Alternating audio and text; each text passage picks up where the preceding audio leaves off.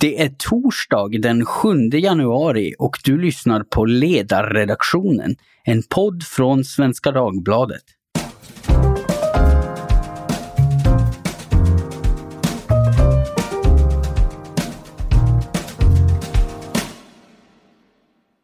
Jag heter Jesper Sandström och idag skulle jag ha bjudit på gemytligt framåtblickande för 2021. Men ibland blir ju inte världen riktigt som man har tänkt sig. Det vore otillständigt att bara blicka framåt med tanke på vad som händer just nu. Igår stormade Trump-vänliga demonstranter USAs parlamentsbyggnad, Kapitolium. Och det handlar, som Tove Livendal uttryckte det i den text hon publicerade på webben i natt, om en ren attack på demokratin. En grupp människor bröt sig in för att förhindra parlamentsledamöterna från att fastställa valresultatet. De var påhejade av president Trump som vid ett möte tidigare under dagen återigen hävdat att valet var stulet och riggat av fejkmedier. Och när våldet väl var i full gång, då var Trumps avståndstaganden i bästa fall halvhjärtade och han fortsatte att ägga demonstranterna med påståenden om valfusk. Han anklagade också sin egen vicepresident Mike Pence för feghet eftersom Pence i strid med Trumps önskemål ville medverka till att fastställa valresultatet. Och hur förhåller man sig då ens till något sånt här? Själv vet jag inte riktigt bortom chocken så jag har bjudit in tre kloka och insatta personer för att hjälpa till. Eh, Johanna Möllerström, professor i nationalekonomi vid George Mason University och kolumnist på ledarsidan, boende i en förort till Washington. Hej Johanna! Hej! Idil Tuisuzoglu Eh, som studerar statsvetenskap vid Harvard och är återkommande skribent i Timbros nätmagasin Smedjan. Hej Idil! Hej, kul att vara med! Och sist men inte minst Fredrik Hultman, en gång verksam vid den här ledarsidan, därefter vid flera andra. Idag generalsekreterare för Moderata ungdomsförbundet och djupt insatt i amerikansk politik. Hej Fredrik! Hej, roligt att vara här. Kul att ha er här. Eh, och Johanna, om vi börjar med dig. Du publicerade ju igår kväll en text hos oss där du i rubriken ställde den fråga som jag själv slogs av när nyhetsflasharna började trilla in. Är stormningen av Kapitolium slutet eller början? Och nu när du har hunnit sova på saken, vad, vad tror du? Är det slutet på en kaotisk fas eller är det som du i din avslutande mening bekymrade dig över början på något ännu värre? Det hjälpte inte att sova på saken. Jag är fortfarande lika osäker på det. Jag hoppas naturligtvis att det här, det, det, skulle kunna vara slutet i den bemärkelsen att det här skulle kunna vara den väckarklocka som det republikanska partiet, som ju bara för några år sedan var ett fullständigt vanligt och rimligt vettigt politiskt parti. Eh, det här skulle kunna vara väckarklockan som de behöver för att eh, ta tag i, tag i sina problem och se till att de ja. blir ett normalt parti igen. Men det är naturligtvis inte en, en garanti att de faktiskt gör det som, som är rätt. Så att det här kan ju fortfarande visa sig vara början på ytterligare eh, extrema polariseringar och kanske ännu mer våld i samband med att eh, Biden faktiskt tillträder den 20 januari. Ja, Ja, precis. Det är svårt att sia om framtiden. Men Fredrik, en sak som du tryckte på i dina kommentarer till när det här utvecklades. Eh, det är att det bland många kommentatorer finns en felaktig bild av att Demokraterna och Republikanerna är lika goda kålsupare. Och det är helt enkelt inte sant, säger du. Kan du utveckla lite kring vad du menar med det? Ja, för jag tror så här att många kommentatorer lever fortfarande kvar i det tidiga 2000-talet eller i 90-talet där man ser de här partierna som att ja, de håller båda på med en del tjuv och rackarspel. Det är mycket fulspel i politiken, så även i amerikansk politik. eh, mycket poserande och ibland så ska man eh, också ta till lite elaka strategier för att eh, blockera det andra partiet. Men det vi har sett de senaste tio åren är att i, i kongressen så har Republikanerna drivit det här till nya nivåer. Det är bara att se på hur de har hanterat Högsta domstolen, hur de har använt de här gamla filibusterreglerna som gör så att det krävs 60 senatorer för att kunna gå till votering i en fråga för att på ett effektivt sätt blockera egentligen varje lagförslag som lades fram av Obama-administrationen eh, så, länge, så länge de kunde. Det var eh, väldigt lite som eh, Obama-administrationen fick igenom eh, just på grund av det och de har inte heller varit öppna för att, för att förhandla och i, eh, i den amerikanska demokratin, precis som i den svenska, så handlar det mycket om att man, man måste förhandla med den andra sidan. Och det här har ju lett till en eskalering eh, där Demokraterna nu eh, har varit tvungna att, ja, dels när de i, ja, mot slutet av att de hade majoriteten i senaten 2014 så ändrade de ju filibusterreglerna bara så att de skulle kunna tillsätta domare i de federala domstolarna. För, och Republikanerna fortsatte ju sedan att blockera eh, Obama från att nominera domare till de olika federala domstolarna. Så sen, sen när de hade återfått majoriteten, så sen när, när Trump tillträdde så har han kunnat tillsätta väldigt många domare i de federala domstolarna. Går man ner till delstatsnivå så är det ibland ännu värre. Där kan man ju se exempel på, ja men, som i Wisconsin där Eh, eh, där Republikanerna styr i, i minoritet i praktiken men där de har kunnat rita valkretsarna eftersom det är politiska beslut och de får minoritet, har fått minoritet av rösterna i flera val i rad. Men ändå så styr de med en majoritet av mandaten. Eh, och sen när Demokraterna till slut vann ett guvernörsval i Wisconsin, ja men då valde Republikanerna i delstatskongressen att skriva om all lagstiftning så att guvernören fick historiskt små befogenheter. Och det amerikanska systemet bygger mycket på en maktdelning mellan ja, den dömande makten, den, exek den exekutiva makten och den lagstiftande makten. Och när den lagstiftande makten eh, har en minoritet av väljarstödet och sedan försöker urgröpa den exekutiva makten för att fel parti vinner.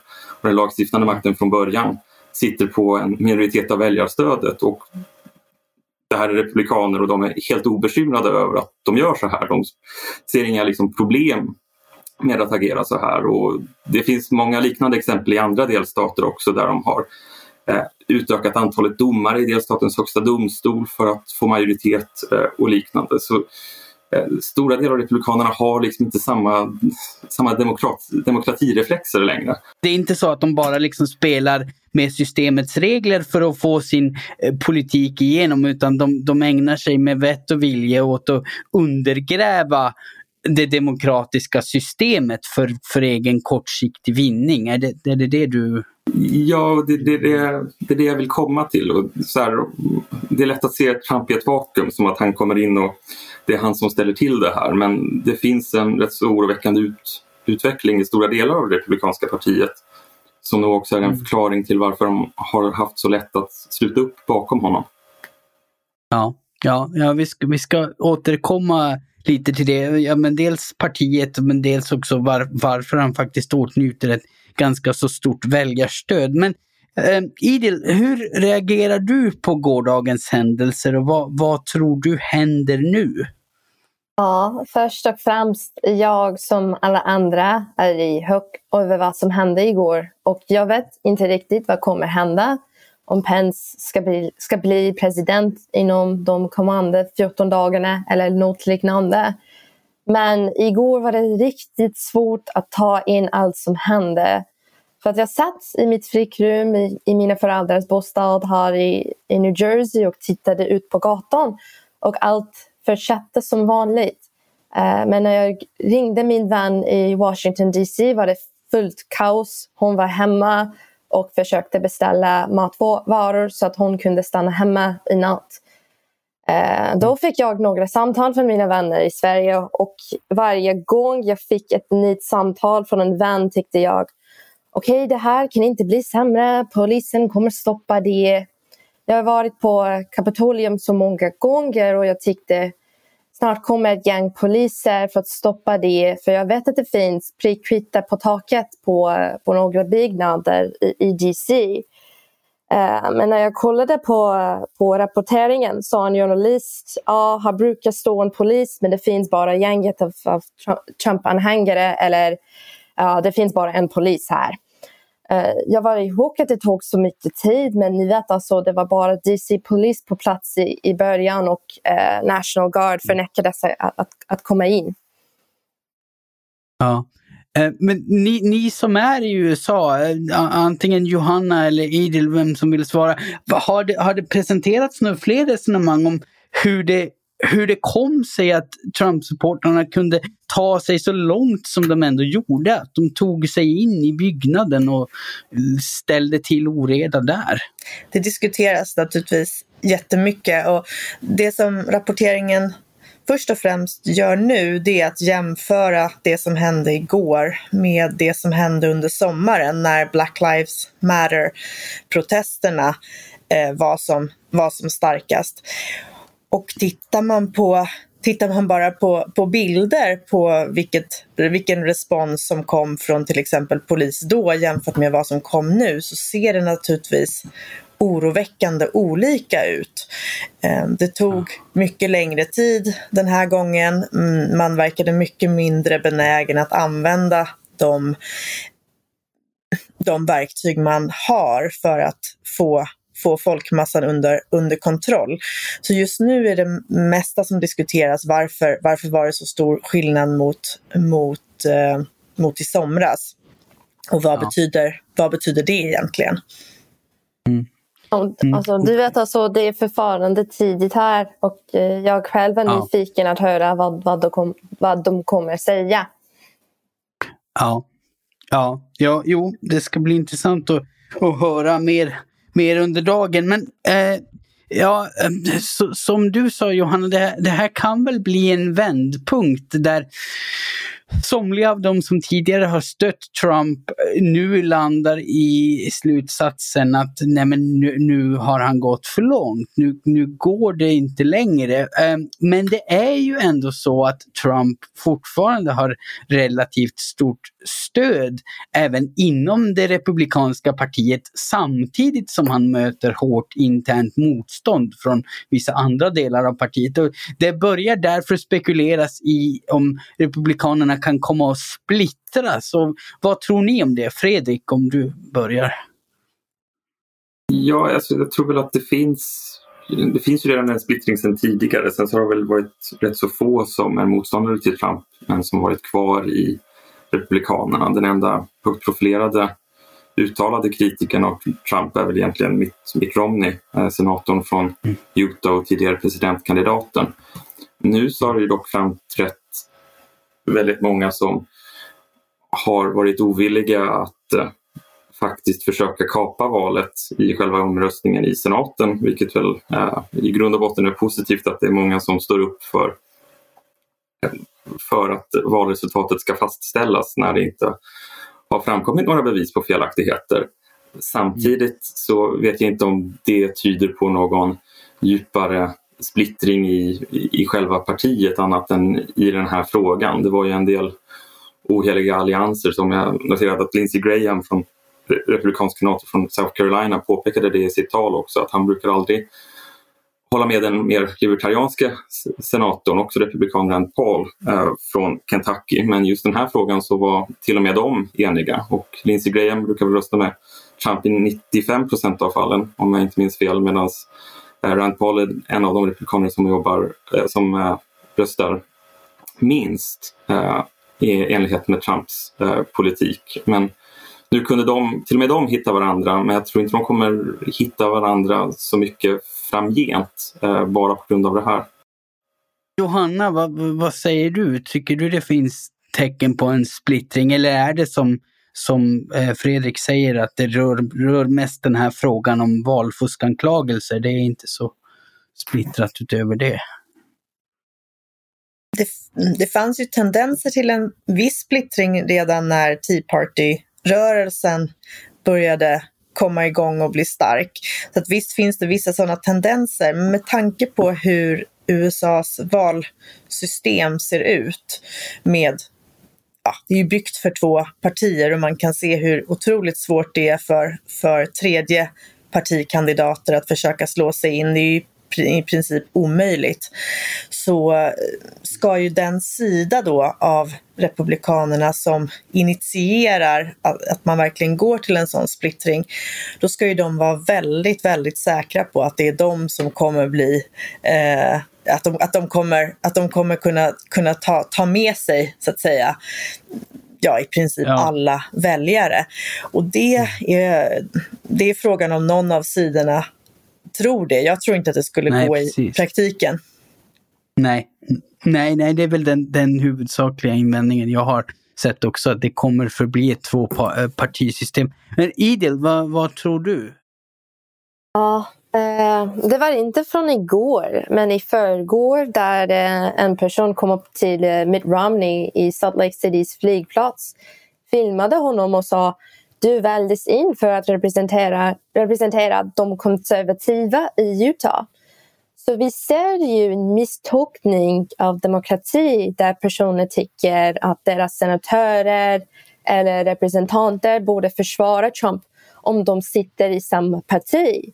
De, har, ja. de här personerna tycker ja, du är republikan och därför måste du vara solidarisk eh, med Trump. Det mm. kommer, vara, det kommer vara supersvårt för politiker som Mitt Romney och Lisa Murkowski för att de delar samma väljarbas som personer som också röstade på Trump. Hur kan de fortsätta mm. vet vi, vi inte. Kommer det finnas mer populistiska politiker som ställer upp i premiärval mot dem? Eh, så därför kommer det inte vara en tydlig splittring utan att deras platser hotas av ännu mer populistiska republikaner. Ja, eh, jag förstår. Och, och om, om man ska säga något om det då, alltså eh, Republikanernas eh, framtida utveckling. T tror ni att, eh, att de kommer liksom behålla, även om de så att säga blir av med Trump, kommer de anamma mer liksom den trumpistiska ideologin och vara mer populistiska, mer hårdföra? Eller kommer de försöka eh, dra sig tillbaka i riktning mot, mot ett mer normalt parti? Det kommer säkert finnas båda tendenserna och sen vilken av de tendenserna som, som vinner i slutändan tror jag fortfarande är, är osäkert. Um, och i, i det kortare perspektivet så kommer det handla mycket om hur man hanterar Trump. Om Trump fortsätter vara som det ju har verkat åtminstone fram tills det här hände igår, så har det ju verkat som att Trump kommer fortsätta vara en väldigt central figur. Och om han fortsätter vara det och annonserar att han kommer att eh, kandidera 2024 också i presidentvalet och så vidare. Då finns det ju all möjlighet för partiet att fortsätta mer eller mindre som de, som de håller på just nu. Men det finns naturligtvis de som inte vill det och som gärna skulle vilja se en annan utveckling och som kommer att arbeta för det. Mm, mm, precis. Och vad, vad, tror du Fredrik, vågar du säga någonting om åt vilket håll det kommer att gå? Ja, alltså det här med att röra sig i någon slags ideologisk, eller samma ideologisk riktning som Trump tror jag blir lite diffust för jag är så osäker på om Trump egentligen har någon ideologi eller någon egentlig övertygelse. Men det man kan konstatera är väl att eh, han, alltså det finns ju inte bara en Trump, han har ju även två söner och en dotter som alla är rätt så profilerad inom Republikanerna nu och har spelat en roll i den här administrationen. Även hans svärson har ju haft en roll i den här administrationen. Eh, och framförallt eh, e- Eric Trump har ju också rest runt väldigt mycket i USA och träffat lokala republikanska företrädare och etablerat sig som en profil. Och eh, det har även uttalats en del hot från eh, Trump-håll de senaste dagarna mot de republikaner som inte skulle stödja Trump i den här omröstningen vid fastställandet av valet. eh, om att de skulle få primärvalsutmanare och så. Så det kommer nog definitivt, oavsett vad som händer med Trump, så tror jag att det kommer finnas någon typ av Trump-fraktion inom partiet. De kommer vilja driva partiet i en riktning. Sen om det blir en verklig splittring eller om de faktiskt lyckas ta över hela partiet eh, återstår att se. Men väldigt mycket av den republikanska interna debatten styrs ju av vissa medier som inte heller är särskilt kritiska alltid mot vad republikanerna gör.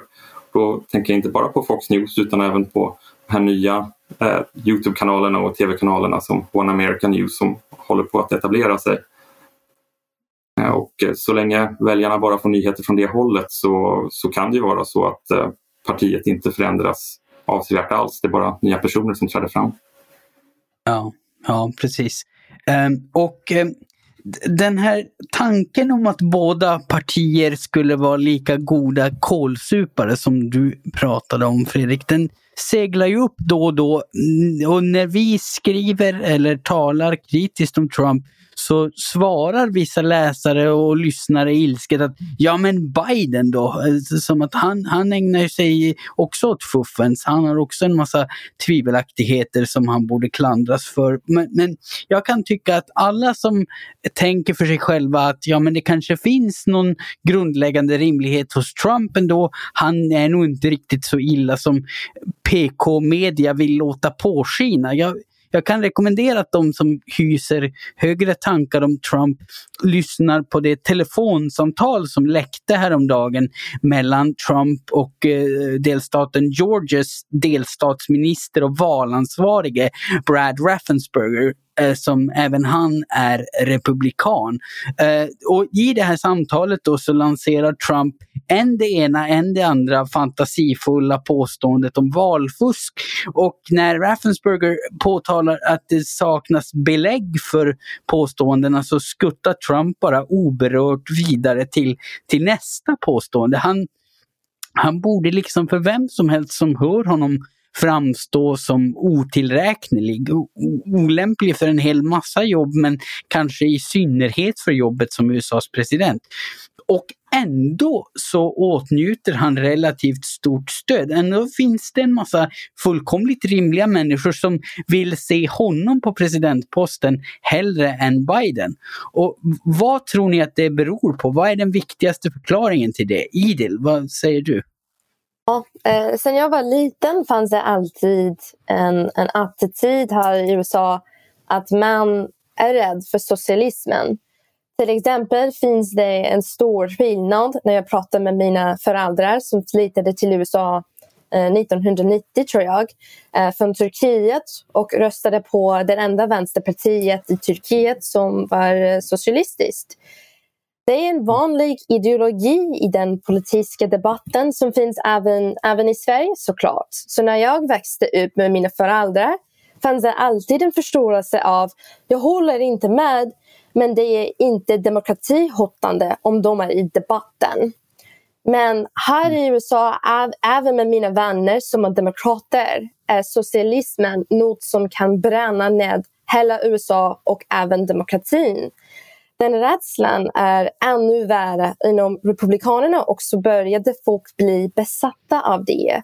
Så vi såg Trump och alla Trump-anhängare började använda uttryck som radical left och det funkade 2016 och funkade nästan 2020. Vad säger du Johanna, är det här en viktig del av, av förklaringen? En, en slags rädsla för eller vrede mot vad man ser som socialism? Det tror jag absolut. Ehm, det, och sen när jag känner väldigt få som, som öppet beskriver sig som Trump-supportrar. Men, men de eh, de som gör det och som jag ju också då skulle betrakta som vettiga människor i, i en, massa, i en massa avseenden. Då är det mycket mer det här resonemanget att nej men vi, gillar, vi gillar inte Trump. Vi håller med om att Trump är ja, en, en olämplig person. Sen tycker de kanske inte att han är lika olämplig som som många andra tycker. Men de tycker att han är olämplig. Eh, och deras strategi är att de lyssnar inte på vad han säger. De, de tänker, precis som Idil var inne på, att det här är trots allt bättre än alternativet. Eh, och ganska många tänker också på att ja, men vilken politik är bäst för mig? Eh, mm. Med vem får jag lägst skatter? Och så vidare. Mm. Och då låter de de argumenten helt enkelt överspegla andra argument som handlar om ja, men, den här personen är ju direkt olämplig. Så väljer de att ignorera ja. det. Ja, precis. Men, men finns, det, alltså, finns det några initiativ då från demokratiskt håll att locka till sig just de väljarna? Att, att ta dem som så att säga sitter på gärdsgården? Det tror jag det finns. Alltså det, det man såg när Biden utsågs till eh, Demokraternas presidentvalskandidat så hölls det ju en massa tal eh, på konventet. Och där kunde man ju se den här fina balansgången som Demokraterna försöker gå. De har ju också olika falanger inom sitt parti och det finns ju stora delar av dem som har gått till vänster och som framförallt har gått väldigt mycket mot, mot det som brukar kallas identitets politik. Eh, mm. man fokuserar väldigt mycket på, på, på ras och kön och så vidare. Man kunde ju se mm. bland de här talen att de, man försökte ju man försökte ju att, så att säga, eh, ge dem några, eh, några talare och, och, visa att okej, okay, vi, vi, vi uppskattar era röster.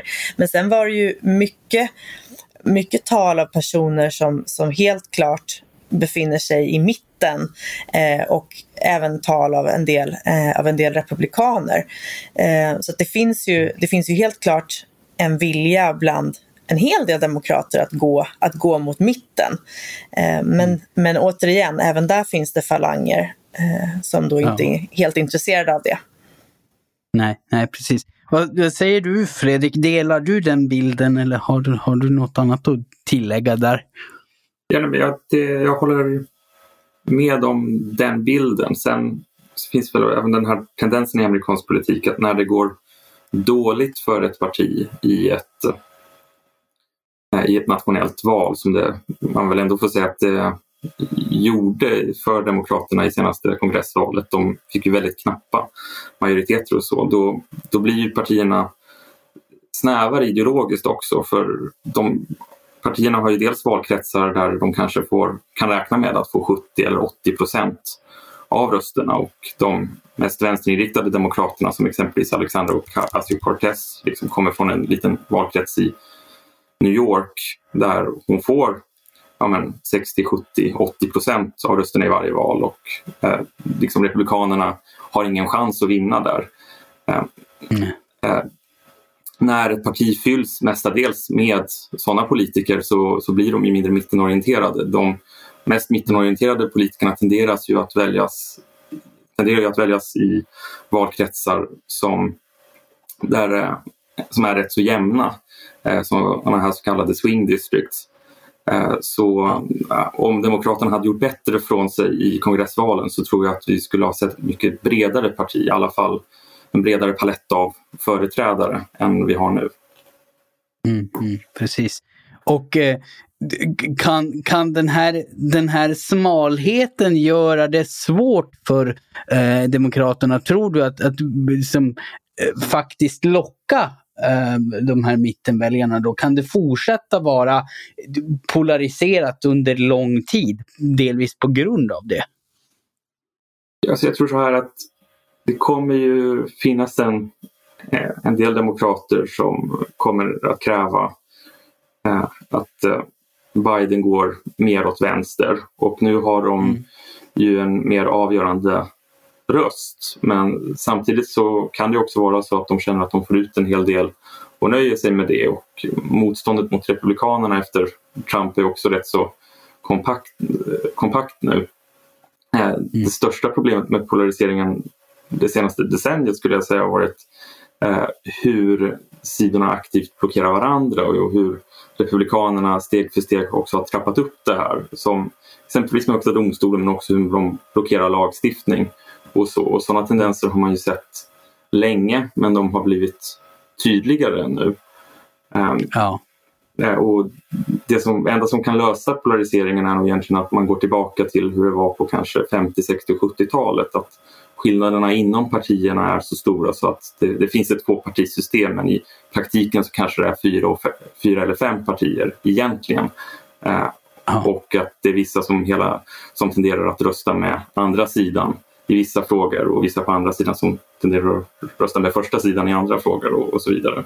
Det, det, blir spännande att se vad som händer. Det blir spännande att följa rapporteringen från USA nu som vaknar eh, och, och, se hur det här kommer att hanteras rent politiskt. Eh, men det börjar nog bli dags för oss att runda av för dagen. Finns det något särskilt som ni vill tillägga innan vi gör det?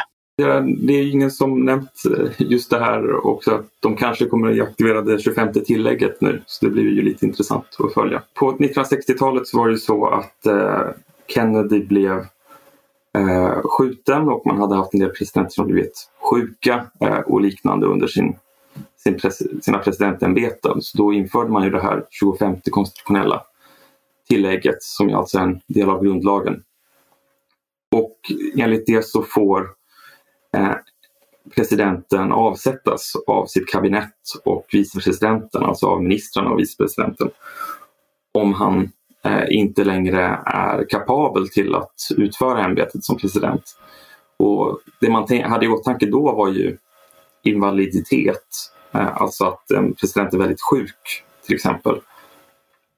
Men nu så talas det om att det här skulle kunna omfatta att en president bara agerar så irrationellt så som Trump har gjort de senaste dagarna med eh, den, här stormningen av kongressen.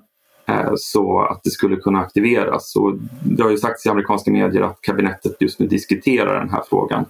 Och då är man ju ute på konstitutionellt osäkert vatten om kabinettet plötsligt kan gå in och avsätta presidenten eh, för att de ogillar något han har gjort. Så det, jag tror inte att det är optimalt, men eh, jag förstår varför de diskuterar. Ja, precis. Nej, det är väl, det är väl osäkert om det verkligen är me meningen att den, den lagen ska vara tillämplig på en sån här situation. Men ja, det, det är sådana eh, såna, eh, uppgifter som har framkommit. CNN säger att en rad ledande republikaner har uttalat sig anonymt och eh, säger att Trump måste bort trots att det bara återstår knappt två veckor av hans eh, presidenttid. Men som sagt, där får vi följa eh, nyhetsbevakningen och eh, se vad som händer. Eh, men jag hoppas att ni som har lyssnat känner er lite mer insatta i denna röriga situation. Även om det är mycket vi fortfarande inte vet. Men med det sagt så vill jag säga stort tack till dagens panel. Idil Töyzoglu, Johanna Mellerström och Fredrik Hultman. Jag återkommer imorgon igen, då för framtidsspaning med Lena Andersson, Lydia Wåhlsten, Tove Livendal och Maria Ludvigsson som äntligen är tillbaka i tjänst på redaktionen. Och producent, det är jag, Jesper Sandström, och jag vill i vanlig ordning be er att gå in och recensera oss på Apple Podcasts. Det är varmt uppskattat. Ta hand om er så hörs vi snart igen. Hej då!